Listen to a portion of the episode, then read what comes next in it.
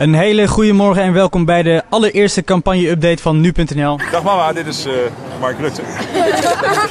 Quo usque tandem factionem cartellum. Zijn we solidair met mensen die kwetsbaar zijn of kijken we weg zoals D66 doet? Nou, we krijgen dadelijk zo'n idioot regeerakkoord met elke punt en komma die is dichtgetimmerd. Wij kunnen de komende vier jaar thuis blijven. Tot het diepst in iedere vezel die ik in me heb. En de komende zes dagen zullen we niet slapen tot we iedereen overtuigd hebben op 15 maart GroenLinks te gaan stemmen. Dank jullie wel. Kijk eens naar dat vak. Daar zitten 20 mensen. Ja, zwaai maar een keer goed. Had ik gehoopt op meer? Ja. Ben ik trots op ons? Ja. Maar ik vraag u toch wel om normaal een debat te kunnen voeren met de staatssecretaris. Rutte en Buma noemden hier net nog een derde optie, de ChristenUnie. Die is voor mij onwenselijk. Goeiedag en welkom bij deze Dit wordt het nieuws podcast. Een speciale podcastserie waarin we praten met nu.nl-redacteuren over hun jaar. Wat hebben ze meegemaakt en wat waren de belangrijke onderwerpen van hun vak? En in deze podcast praten we met onze politiek verslaggever Avinash Biki over de formatie en, om te beginnen, de verkiezing. Als we kijken naar 2017, ik denk voor het menig uh, politiek verslaggever een geweldig jaar. Al gaat het alleen al maar om de Nederlandse politiek. Want Avi, uh, was het zo? Was het een mooi jaar? Het was vooral een heel erg druk jaar. Ja. En voor een politiek verslaggever is het altijd leuk als er verkiezingen zijn. Uh, het is wel een beetje een hoogtepunt. Want ja, dat, dat, dat is waar, waar er bepaald wordt hoe het de komende vier jaar eruit gaat zien. Hè? Wie er aan de macht komt en uh, wie, wie er verloren heeft. Mm -hmm. Dus ja, wat dat betreft met die verkiezingen, met de formatie... Uh, dat nam eigenlijk ook wel het hele jaar in beslag. Hè? Een recordformatie, ja. zeven maanden lang. 208 dagen? Uit mijn hoofd. 206 dagen, ik heb het hier staan inderdaad. Uh, nou, dat het record is in ieder geval gebroken. Ja, 208 dagen.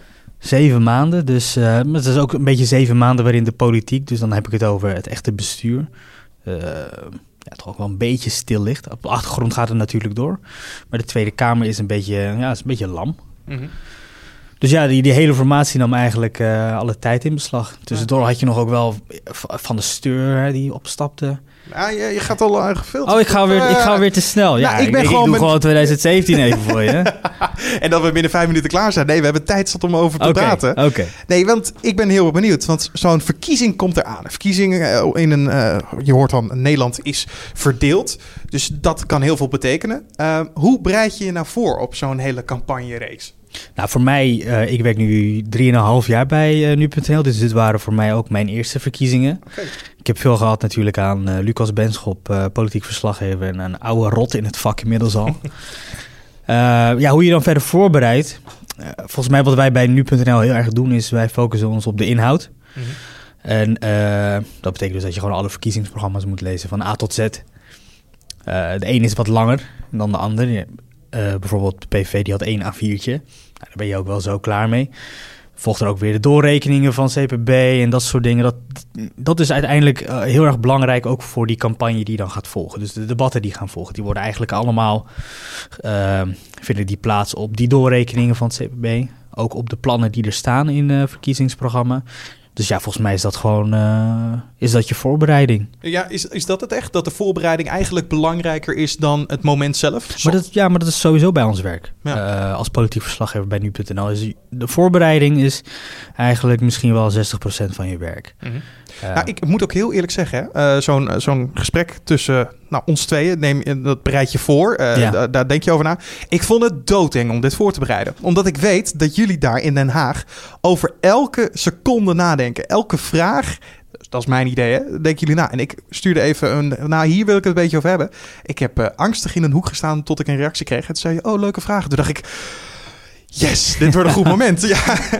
Nou, dat is nergens voor nodig. Maar het, het, is volgens mij wel zo dat politieke verslaggeving uh, iets anders is dan. Um, nou, bijvoorbeeld als er een rechtbankuitspraak komt. Ik bedoel, als er een rechtbankuitspraak komt, dan is dat gewoon, dat is de uitspraak. Terwijl alle uitspraken die uh, politici doen, um, ja, dan moet je er eigenlijk altijd van uitgaan dat het een dubbele lading heeft. Uh, plannetjes die door een ministerie naar buiten komen. Je moet er ook altijd van uitgaan van, wat zit hier nou achter? Terwijl, ja, als je een rechterlijke uitspraak hebt, dan heb je een rechterlijke uitspraak. Dus dat is, bij politiek is dat echt anders. Je moet echt goed opletten op wat er gezegd wordt en hoe het gezegd wordt. En eigenlijk ook wel wat, wat het idee daarachter is. Maar wat, dat maakt het werk ook uh, ontzettend leuk. Zou je dan zeggen dat je altijd bezig bent met het feit... ik wil de onderste steen boven krijgen? Of heeft het meer te maken, ik wil het... Nou, is eigenlijk weer hetzelfde, het, echte nieuws tonen. Zou je dan dat een beetje zo beschrijven? Ja, altijd, uiteindelijk ben je ernaar op zoek om het echte nieuws te tonen. En ehm, uiteindelijk doe je dat voor de lezer. Mhm. Eh, er gebeurt iets en ehm, je kan dat op die manier verslaan, maar je moet altijd, altijd nadenken van ehm, wat weet de lezer en wat moet ik hem nog uitleggen. Ja. En vooral als het gaat om politiek. Je kan er niet van uitgaan dat iedereen overal van op de hoogte is en overal van de politieke intriges van op de hoogte is.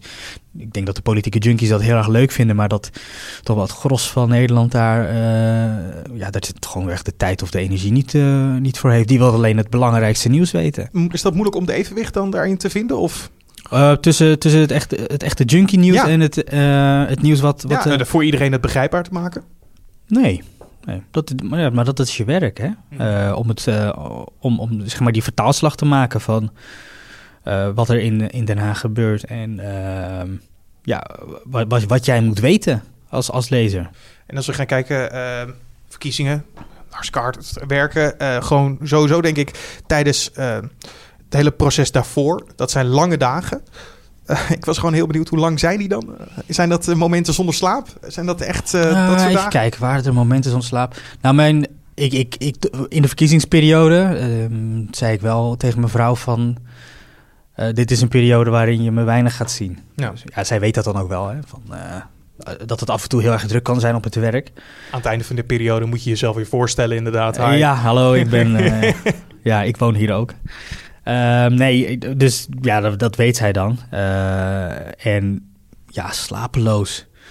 Nou, ik denk niet echt slapeloze nachten. Misschien is het een romantisch beeld hoor, van mijn kant. Ik denk Nee, dat- maar het is wel druk. Ja. Ja, dat klopt wel zeker. Ehm, je bent dan eh, eigenlijk 's ochtends al bezig. Begin je met, met de kranten. Hè. Dan, dan ga je de kranten doorkijken wat daarin staat. Heeft iemand ergens nog een interview gegeven waar wij iets mee moeten? Of eh, je moet dat interview sowieso lezen voor eh, het interview wat jij zelf dan weer gaat houden. Hè, als zij eerder zijn.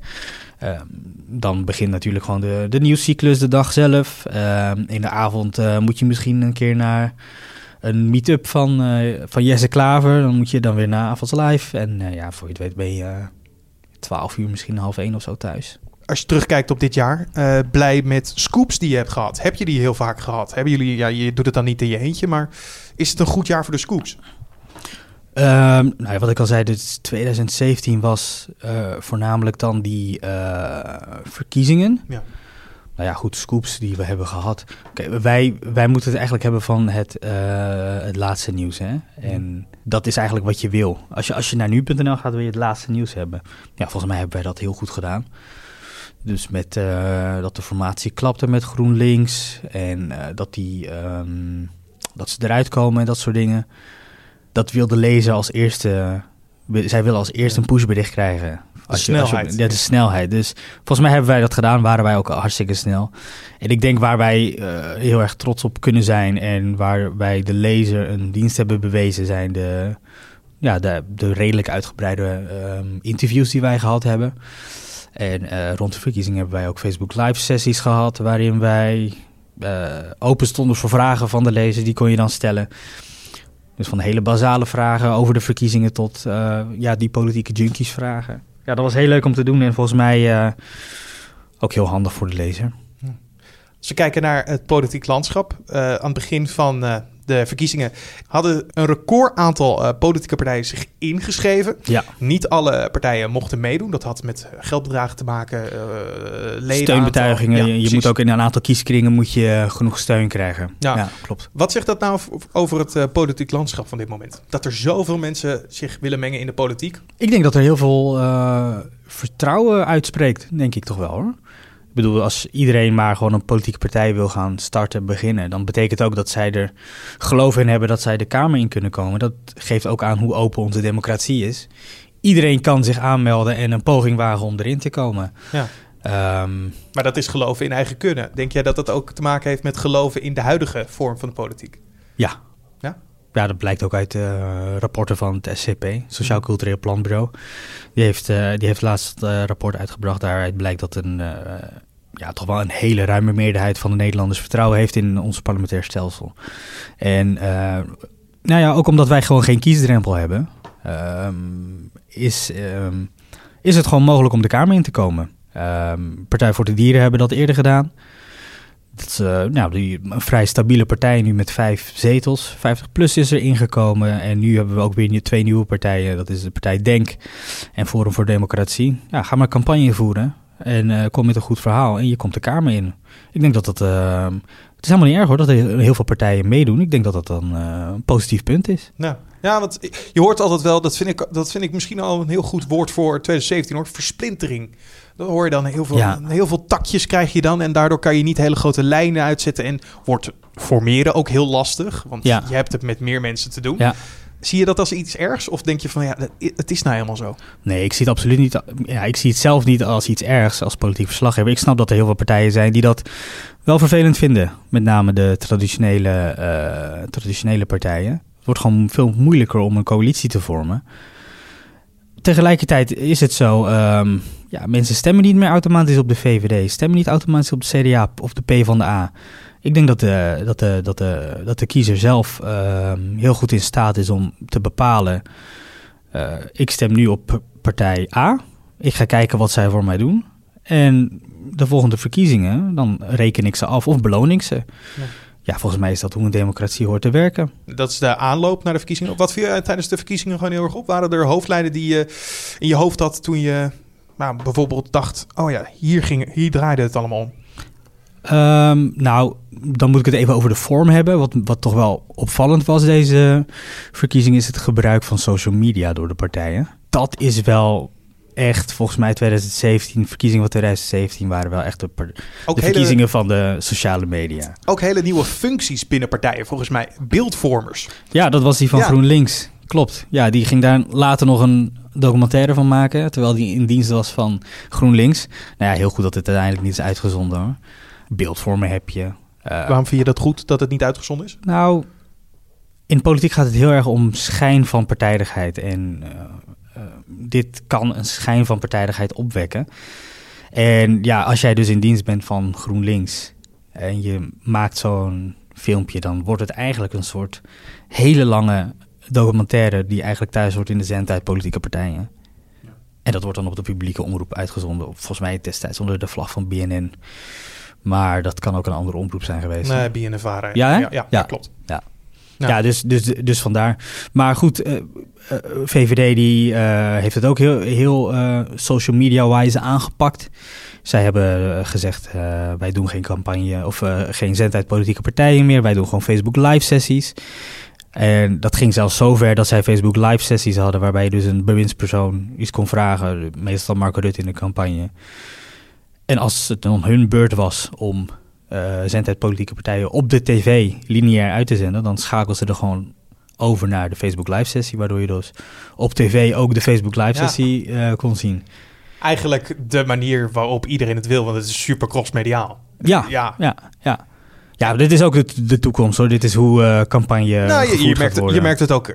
Je beschreef het net al inderdaad. Je eigen livestream die je tijdens de, uh, de, de, tijdens de uitslag deed. Uh, tijdens een, een, een, update, een campagne-update, kan ik me ook herinneren. Ja, klopt. dus zo hou je ook de achterban op de hoogte van je, eigen, van je eigen club, van nu.nl. en ja, en het, het, is ook, het is ook een hele effectieve manier van campagne voeren. Want uiteindelijk, weet je, iemand van de VVD gaat een SP'er niet overhalen om op nee. zijn partij te stemmen. Dus wat, wat, je, wat, je, wat je moet doen als politieke partij is ervoor zorgen om de mensen die uh, eraan denken om, de VVD, om op de VVD te stemmen, ook zover te krijgen om ze op de VVD te laten stemmen. En uh, nou ja, dat doe je dus vervolgens door uh, mensen die geïnteresseerd zijn in jouw uh, pagina op Facebook, daar heel gericht op campagne te voeren. Dat is ook wat je kan. Hè? Dus Facebook ja. biedt die optie. Um, de optie namelijk om uh, te adverteren op bepaalde groepen. Dus Amsterdam uh, in de leeftijd van 20 tot 35. Uh, dat is gewoon een groep die GroenLinks wil hebben. Precies. Ze we GroenLinks weet gewoon dat is mijn electoraat. Dus de, de, je kan dan op bij Facebook kan je dus heel gericht dan kan je daar advertenties op bestellen. Alleen maar om ze zover te krijgen om ook echt naar de stembus te gaan. En dat niet alleen. Eh, Stel, jij bent, eh, jij bent zo'n Amsterdamse eh, millennial, uh, of GroenLinkser. Jij liked dat en jij deelt dat. Dan deel je dat ook gelijk met jouw Facebook vriendenkring. Je hebt er zo 200 mensen bij, als het niet meer is inderdaad. Nee, Precies. En zij zijn ook heel slim in het selecteren van de advertenties die zij willen. Um, zij kiezen dan gewoon een goed fragment uit van Jesse Klaver... die dan um, die opstaat tegen Geert Wilders. En uh, zij knippen en plakken dan gewoon alleen dat fragment... waarin Jesse Klaver er heel goed uitkomt. Ja. Vind, je dat iets, vind je dat iets ik, ik kan me ergeren, maar dat is van uit mezelf, dat ik uh, denk dat een ouderwetse, en uh, dan bedoel ik niet gelijk jou, verslaggever denkt van jongens, maar dit is niet de manier hoe je het moet brengen. Want wij brengen het echte verhaal, daar hebben we het net over gehad. En dit is je eigen waarheid maar maken. Maar dat is politiek, dat kun je politieke partijen helemaal niet ja, kwalijk nemen. Nee, maar dat, dat in, in, ik bedoel, je, je kan in, een politieke campagne... In, in een vorm van debat heb je dat inderdaad, dat je het naar je eigen hand gaat draaien. Maar op het moment dat je dat niet eerder kan zien, beelden die naar hun eigen hand zijn gemonteerd. Ja. Dus uh, een vraag weglaten. Ja. Of, ja, dan, dan moet je als kijker moet je diep graven om echt de waarheid te zien. Nee, ik denk dat je als kijker en als kiezer gewoon er bewust moet zijn. Altijd bewust van moet zijn, wat is de afzender? Uh, van wie krijg ik dit nieuws? Kijk, krijg jij, een, krijg jij het nieuws van uh, GroenLinks of de SP of de VVD...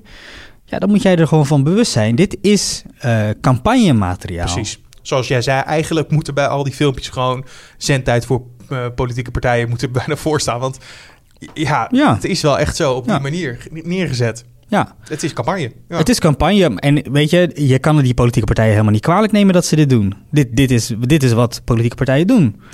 Uh, je kan ze ook niet kwalijk nemen dat zij in de zendtijd politieke partijen uh, ervoor zorgen dat hun partij er zo goed mogelijk uitkomt. Nee, ja, het, het, zou iets moois zijn als iemand een eerlijk beeld van de partij laat zien. Ja. Ook in zware tijden. Ja, ik zou het iets moois nee, vinden. Kijk, uiteindelijk is het, uh, is het uh, de taak van uh, politiek verslaggever om weer te geven hoe dat wel zit. Ik denk ook dat we dat bij nu.nl hebben we dat wel gedaan. We hebben de lezer ook geïnformeerd over hoe dit werkt. Hè? Die social media campagne tijdens de Tweede Kamerverkiezingen. Ik heb daar nog een stuk voor, van getikt in de verkiezingen. Ook om de, om de lezer ervan bewust te maken van let op, die, die filmpjes die jij op, uh, die jij op Facebook ziet, dat is niet het hele verhaal. Nee, maar ook de ouderwetse vorm hoor, peilingen. Uh, en heel vaak zit het er juist goed op, zit het er compleet naast. Uh, Forum voor Democratie, dat is weer iets nieuws. Zij hadden eigen peilingen via Facebook, kan ik me herinneren, via social Mhm. media. Dat is ook weer iets nieuws. Hoe kijk je daar als verslaggever naar? Um, peilingen zijn... Ja, wij zeggen altijd peilingen, smijlingen. ja. Uh, vooral, ja. laatst, laatst was er weer een, een peiling. Uh, we hebben echt uh, maar een paar maanden een, een, nieuw kabinet. En dan zijn er nu al peilingen. Als er nu verkiezingen zouden zijn, dan. Ik denk, ja, god, we hebben net verkiezingen gehad. De VVD was daar de grootste. hou op. Ja. Um, want ik vind ook dat, dat peilingen nieuws. dat leidt heel erg af van um, de inhoud. Men, en daar is ook onderzoek naar gedaan van wat voor effect hebben peilingen, tussentijdse peilingen nou op, uh, op partijen. En um, door in de peilingen dus bijvoorbeeld weer te geven van nou dit wordt uh, die is zoveel gestegen. Dat noemen ze dus de, het bandwagon effect. En ja, het wordt een soort self-fulfilling prophecy van nou dus in de peilingen is die groot. Nou dan moeten wij diegene wel veel aandacht geven. Nou ik denk dat dat zeker niet, dat je dat zeker niet moet doen. Um, tijdens de campagne uh, houden wij de peilingwijzer van Tom Lauwers in de gaten. Mm -hmm. dat, is een, um, dat is een bundeling van verschillende uh, peilingen. En daar wordt dan een gemiddelde uitgenomen met ook een marge. En daar kun je um, wel uh, daar kun je zeg maar trends in signaleren. En ja, dus bijvoorbeeld. Misschien dat... een voorbarige vraag hoor, maar had jij dan daaruit ook, of vanuit je eigen kennis, een voorspelling gemaakt over de uitslag? Uh, nou, uit, de, uit, die trends bleek ook dus bijvoorbeeld dat de PvdA wel echt hard zou gaan verliezen. Ja. Nou, dat is ook wel gebleken.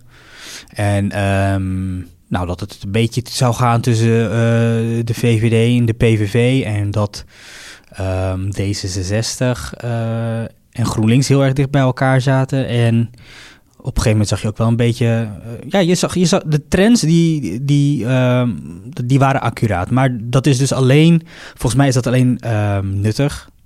eh, als je dat ehm, als politiek verslaggever in de campagnetijd in de gaten houdt.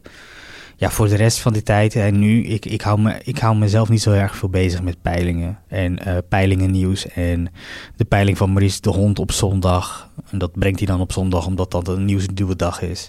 Zodat media eh, dat peilingnieuws overnemen. Ja, ik vind, ik vind dat eigenlijk een, een beetje armoede hoor. Nou, hoe kijk je tegenover het feit dat jij uh, berichten maakt? Jij maakt berichten over GroenLinks, je maakt berichten over Forum voor Democratie, je maakt over Denk.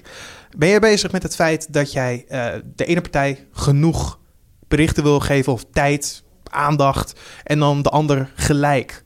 Dat het allemaal op eenzelfde niveau zit? Of ben je daar totaal niet mee bezig? Um, nee, daar zijn we zeker mee bezig. Um, maar wat je moet realiseren, een grote partij ja. Uh, dat betekent dus dat uh, veel mensen daarop gestemd hebben. Dat betekent ook automatisch dat uh, de stem van een grote partij iets belangrijker is dan de stem van een partij met twee zetels. Omdat zij uh, bij een verkiezing ja, een, een, groot gedeelte van de Nederlanders achter zich hebben gekregen. Dat telt mee. Uh, wat ook meetelt is um, wat uh, coalitiepartijen vinden. Omdat dat is wat uiteindelijk, of althans, dat heeft, is een grote kans bestaat dat dat ook echt beleid wordt. wat daarnaast meespeelt is um, in de berichtgeving dan, je moet als politieke partij um, je werk ook wel doen. En dat betekent dat uh, je aanwezig moet zijn bij debatten. Als je niet bij debatten aanwezig bent, ja, dan kom je niet in mijn debatverslag. Ja. Uh, want dan wordt het moeilijk om jou, jou, jouw standpunt daarin weer te geven. dat speelt mee. wat je ook hebt zijn natuurlijk proefballonnetjes. Hè? Dat, zijn, dat, dat doen partijen om ervoor te zorgen dat ze in het nieuws komen. Um, met name dan oppositiepartijen of kleinere partijen, die proberen daarmee dan in het nieuws te komen. Nou, daarvan geldt, um, je moet niet alleen een idee hebben. Uh, ik wil ook altijd zien van wat zit daarachter. Ga, zijn het Kamervragen? Ga je die ook echt indienen? Um, hoe kansrijk is dat? Is het al eerder voorgesteld? Dus voordat zo'n proefballonnetje de site haalt, dan gaat daar een, hele, een heel onderzoek aan vooraf. En heel vaak zeggen wij ook gewoon van nee, dit is kansloos. Of uh, ja, dat, je weet zelf ook best dat dit, dat dit onzinnig is. Um, voegt verder helemaal niets toe, dus dan schieten wij het af. En um, kijk, als iemand echt de moeite neemt om een initiatiefwet te maken, dan weet je, nou, die is menend. Die, die doet zijn onderzoek. Uh, initiatiefwet, dat is echt, uh, nou, dat is gewoon hard werken. Um, dat betekent dat je er goed over nagedacht hebt. En dat betekent dat wij daar uh, extra aandacht aan zullen besteden. En uh, ja, misschien ook wel daar ja, vrijwel zeker dan wel een bericht van zullen maken. Want ja. dat, dat, is gewoon echt kamerwerk. Ja, je doet je werk. Ja, tuurlijk. Daar gaan we over berichten. Ja, en dat moet je wel in de echtheid en ook gewoon de stem van de volk ook weer daar terug in te laten komen. Dus ja, en om, om je, nou je, je kiest voor de meerderheid. Uh, in dat nee, geval... nou dat niet per se. Uh... Nou, maar als je, als je, je, je zal eerder berichten over de grote partijen zoals je net beschrijft. En dat is dus de meerderheid van Nederland. Ja. Ja, dat bedoel ik meer. En, en verder, uh, hoe, hoe objectief je dan bent in... Um... Uh, berichtgeving. Dat heeft daar dan verder niks mee te maken. Ik hoor ik, ook wel eens ja. mensen van ja, uh, ik lees niks over die of die partij. Um, uh, dan denk ik ja, ze moeten er wel zijn, allereerst. Um, en ten tweede, ja, je, je, leest er niks over, omdat. en je. je of ze, of ze hebben er vaak dan dezelfde mening als een van de partijen die groter is en die al geweest is. Ja, dan krijg jij. Dan, dan, dan, ik heb ook niet onbeperkte ruimte, dus wat schrijf je dan? Nou, die partij is het eens met of sluit zich aan bij het standpunt van. Maar ik denk CDA. sowieso dat deze discussie over objectiviteit. Die kan je jaren voeren. Dat, ja, die kan je jaren voeren. Het enige wat wij doen is. Uh, wij proberen zo objectief mogelijk te zijn. En dat betekent dat wij dus inderdaad naar die verkiezingsprogramma's kijken. En kijken of dat correspondeert met de uitspraken die politici doen. Of zij consistent zijn in hun uitspraken. En um, of de uh, standpunten die zij innemen en de, de denkstappen die leiden tot zo'n uh, standpunt, uh, of die kloppen. Ja. Dat is wat wij doen. Nou, dan heb je een hele periode uh, van rennen achter Kamerleden, rennen achter de partijleiders. Uh, dan weer met die uh, partijleider op stap mee naar een of andere dorp. dat heb je dan allemaal achter de rug. dan komt die grote avond die komt dan opeens op je bordje te liggen, de uitslagenavond. We hebben net al een beetje beschreven hoe je dat hebt beleefd. Door livestreams, door echt uh, nu.nl steeds per minuut up-to-date houden. Dat zal stress, stress zijn en ook weer gewoon opluchting als het klaar is, denk ik. Was het opluchting? Jawel, was wel opluchting. Ja. Want ja, dit, dit is zo'n. Kijk, eigenlijk, dit was, dit was echt een hele lange campagne. Hè? Dus het begon eigenlijk al in september 2000 ik goed zeggen, 16 hè? Ja. ja, september 2016 begon het al. En de verkiezingen waren in maart 2017. Dus eigenlijk een half jaar campagne gevoerd. En nou, dat is slopend voor de partijleiders, maar voor ons ook. En als het dan na een half jaar voorbij is, nou, dan ben je wel, ja, dan ben je wel opgelucht, ja. Precies. En uh, je, je zei net al, grote verliezers, daar, daar, kunnen we ook over hebben. En grote winnaars, VVD, PvdA juist niet. Daar kunnen we het ook uren over hebben. Maar ik wil eigenlijk al een sprongetje maken naar de formatie. 208 dagen. Kan zijn dat ik misschien een dag mis. Waren ze ermee bezig? Hoe was deze tijd van wachten? Was het wachten? Ja, het was wachten. Het was lang wachten. Um... Kijk, iedereen kan wachten, maar 208 dagen. Kan dat? Ja, maar ik, ik, ik heb niet elke dag voor die deur gestaan. Nee. Um, ik, ik, ik was er. Kijk, wat je doet tijdens zo'n formatie is je houdt ook een beetje een vinger aan de pols. Hè? Um, je weet dat er inhoudelijk niet zoveel naar buiten komt. Uh, dus daar neem je genoegen mee. En nogmaals, kijk, waar wij voor zitten is wij willen het laatste nieuws als eerste brengen. Dus ik moet weten wanneer het fout dreigt te gaan en wanneer ze eruit dreigen te komen. Ja. Dat, dat is mijn taak. Dus um, wat je dan doet in het begin, dan sta je er wel. Hè, om die sfeer een beetje te proeven. Nog een beetje vragen te stellen. En dan ja, die partijleiders in de ogen aan te kijken van gaat dit goed, gaat dit niet goed. Nou ja, daarna praat je met de spindokters. Uh, proef je een beetje de stemming. En zo hou je de hele tijd een beetje in de gaten van... komt er nieuws aan? Wanneer komt er nieuws aan?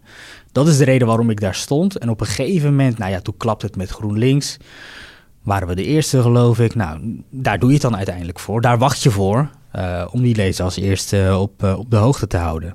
Klopt de regel nou uh, op het moment dat tijdens een formatie, die heb ik ergens gelezen of ergens gehoord, op het moment dat een politieke partij of iemand binnen een partij gaat lekken, dan weet je eigenlijk al, oh, dit gaat de foute, foute kant op. Klopt die regel? Nee, nee, niet per se. Nee? Nee. Ach, ja, zo gehoopt. Ja, ja, ja, ja, ja. Nee, je, het, er zijn verschillende manieren van lekken. Dus je kan lekken om de boel te laten klappen. Mm -hmm. Je kan lekken om te laten zien van, nou, uh, dit hebben we al bereikt. We zitten daar niks voor niks. Het gaat best wel goed, want dit en dit hebben we al afgekaart. En uh, je kan ook lekken om uh, plannetjes te testen. Dus je lekt dat de wet Hille eraan gaat. Mhm. Mm -hmm. Dat lek je dan. Ja. Nou, dan ga je kijken van wat is de reactie erop. Dan zie je nou opstand, opstand, opstand of ophef hier en daar. Dan ga je vervolgens nog een keer een beetje onderhandelen. Zeg ja, weet je wat, we doen die looptijd. Die gaan we toch iets meer verlengen. Want uit het, uit het lek blijkt dat mensen toch niet zo'n fijn idee vinden. Dus, dus wat jij zegt hoeft niet per se waar te zijn. Er zitten verschillende strategieën achter. Natuurlijk ook die 208 dagen, dat is wachten. Het is ook natuurlijk inschatten wanneer gaat het plaatsvinden. Ben, ben je nou deels trots dat het zo uh, lang heeft geduurd en dat je daar uit elk moment uh, het beste nieuws en op het snelste moment naar buiten hebt gekregen? Of dacht je van nou, dat 100 dagen minder gekund? Het had echt 100 dagen minder gekund. Ja. ja. Nee, ik ben, er, ik ben er absoluut niet trots op dat ik daar uh, zo lang heb gestaan hoor. Nee. Ja, het moet. Ja, ik denk, ik denk wel dat het, ja, ik ben er wel tevreden mee dat wij dat uh, goed verslagen hebben. Dat, dat, zeker. Dat kwam toch eigenlijk. Deels kwam het toch ook mee te maken dat uh, bijvoorbeeld, wat net al zeiden, de PvdA die een hele grote klap uh, heeft gekregen na de vorige regeerperiode. Durfde nou niemand te regeren? Had dat er nou mee te maken? Nou, het heeft iets met durven te maken. Ik denk dat het heel verstandig is dat die partij. ja, even pas op, pas op de plaats maakt. Ja, genadeloos afgestraft. Dus je kan van die partij helemaal niet verwachten joh, dat zij gaan regeren. Ja, dat maakt die formatie dan iets nou, maar niet alleen voor de PvdA. Hè? Ik bedoel meerdere partijen die denken van... oh, ik wil niet het PvdA-effect van dat ja, jaar. Ja, ja, ja, ja, ja. Nou, dat is zeker waar. Ja, je weet nooit of dat meespeelt, hè? Je kan natuurlijk niet in die hoofden kijken van de, van de partijleiders, maar het zal zeker wel een factor zijn van stap ik nu in een coalitie met de VVD, CDA en D66, met name dan als linkse partij, wat, wat levert mijn partij dit op? Want je moet ook niet vergeten, een partij is ook gewoon een organisatie. Hè? Er zijn ontzettend veel mensen hebben afscheid moeten nemen van de P van de A. Ik heb het dan gewoon over secretaresses en over ondersteunend personeel. Dat is allemaal, die hebben dan allemaal geen baan. En ehm, dat heeft ook weer, dat is weer een ander verhaal. Het heeft weer met de partijfinanciering te maken. Dat gaat dan via het aantal zetels wat je hebt en eh, het aantal leden. Dus dat, dat wordt dan, ledenaantallen krimpen ook. Dus er komt ook steeds minder geld binnen. En je bent dan afhankelijk van het geld wat je krijgt op basis van het aantal zetels wat je hebt. Dus wil je zo'n organisatie ook een beetje in stand houden, wordt het een hele grote gok dan om dat avontuur aan te gaan. Terwijl je helemaal niet weet of je daarna nog eventueel zal groeien en of je organisatie ook moet inkrimpen. Ik weet ook niet of dit dan eh, echt een, iets is wat meespeelt bij die partijen. Maar uh, nou ja, ik denk het wel. Het heeft ook gewoon met, ja, uh, ja, heeft ook een beetje met geld te maken. Uiteindelijk is het dus gelukt met de D66, VVD, ChristenUnie en natuurlijk um, CDA. Die had ik nog niet gehad. En wat voor regering hebben we dan nu gekregen? Nou, er zijn twee antwoorden op. Enerzijds het antwoorden wat Rutte dan altijd geeft, hè. En wat die coalitiepartijen zelf ook vertellen. Namelijk van dit is een coalitie of een regering van partijen die verantwoordelijkheid hebben durven nemen. Um, ze wijzen op die versplintering, dat het steeds moeilijker wordt om een coalitie te vormen. Dat zij het gedaan hebben. Zij wijzen dan met de vinger naar GroenLinks, SP en de P van de A. Van uh, ja, die, die hebben dat niet durven doen. Wij doen het wel. Wij zijn het politieke midden en wij gaan uh, laten zien uh, waar politieke partijen voor moeten staan. En dat betekent dus dat je, ondanks dat je het met elkaar oneens bent, toch nog een akkoord kan sluiten in het landsbelang. Dat is het verhaal wat ze vertellen. En verder, ja, dan even inhoudelijk. Volgens mij op papier is dit nog best wel een ambitieus, ja, ambitieuze kabinet, ja. ja. De plannen over met de, met de klimaattransitie, daar gaat heel veel geld naartoe. En uiteindelijk moet dat ook geld opleveren, want Nederland wil nu dus instappen um, om uh, over te stappen op groene energie. Ook omdat er heel veel geld in te verdienen valt. Zo simpel is het. Ja, je moet er snel bij zijn om die technologie te ontwikkelen. En dit is wel de energie van de toekomst. En als jij daar als eerste bij bent, dan ben je natuurlijk, uh, heb je een stapje voor. Groen kabinet zonder GroenLinks. Een groen kabinet zonder GroenLinks. Ja, ik denk ook wel dat dit een van de eisen is geweest van, van D66 gewoon. Um, zij zeggen, deze, ja, GroenLinks en D66 vis, vis een beetje in dezelfde vijver. Ik denk dat D66 heeft gezegd, ja, nu GroenLinks wegvalt, moet er een, een, een best wel dik groen hoofdstuk in zitten. Om dus die uh, GroenLinks-kiezers uh, te paaien. Ja. Als je kijkt naar... Uh... En behalve dat, sorry hoor, behalve dat is natuurlijk gewoon noodzakelijk. Ja, nee, ik wou het ja, zeggen. De, de, aarde warmt gewoon op en je moet er wat aan doen. Enig punt is, ja, wat, wat kan je nou als Nederland alleen aan doen? Nee. En 2018 zal een jaar worden van, ik denk, het, het bewijzen. Niet alleen het, het groene aspect, maar meer ook van joh, hoe gaan vier partijen samenwerken. Drie partijleiders die in de Kamer bleven. Ja. Dus daardoor hopelijk de steun vanuit de partij nog steeds te krijgen. Uh, je had een, een linksblok. De vraag is of dat nog steeds blijft. Nu uh, Emiel Roemer weg is ja, gestapt. Ja, ja, uh, ja, hoe, hoe zal 2018 eruit zien? Dat is eigenlijk de grote vraag. Ja, 2018 wordt, uh, wordt het jaar waarin dus de plannen uitgerold moeten gaan worden. Uh, het kabinet heeft dus die plannen gepresenteerd in 2017.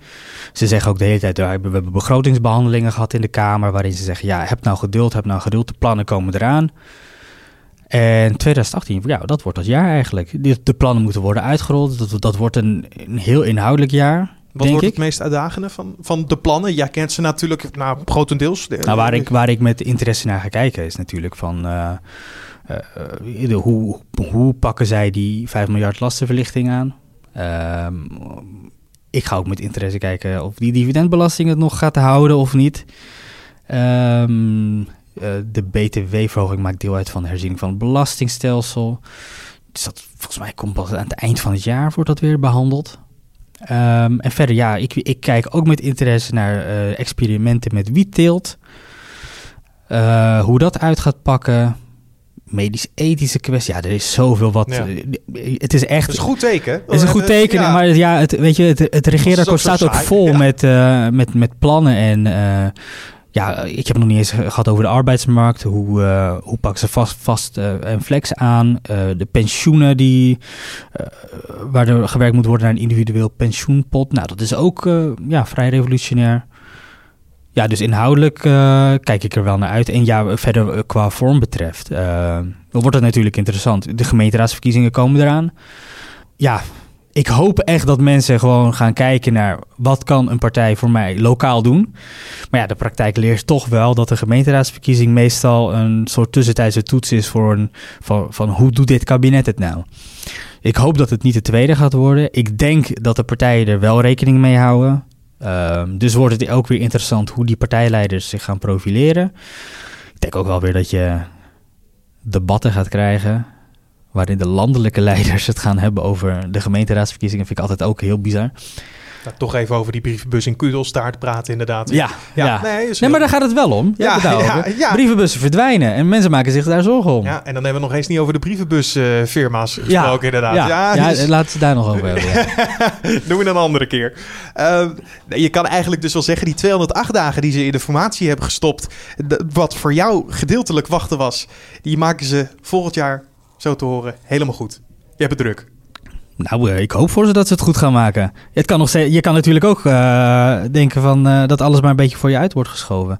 Nee, ik, na zo lang wachten kijk ik er wel weer naar uit dat we gewoon weer wetten gaan behandelen. En dat er plannen worden gemaakt. Ja, ik denk toch wel dat dat het leukste is. Kan je weer mooi uitdiepen. Ja, Dankjewel man. jij ook bedankt. En eh, voor deze podcast houden we hiermee op. Eh, je kan ons nog wel even laten weten wat je van de podcast vindt. Dat doe je via iTunes. Gewoon simpel een reactie, een recensie achter te laten. 1 tot en met 5 qua cijfers. Zo help je ons namelijk weer de podcast te verbeteren en ook beter te vinden voor anderen. We gaan alle kanten op en hou het vooral in de gaten. Dit Wordt Het Nieuws podcast serie. Dus eh, ik zou zeggen, een fijne dag en tot de volgende.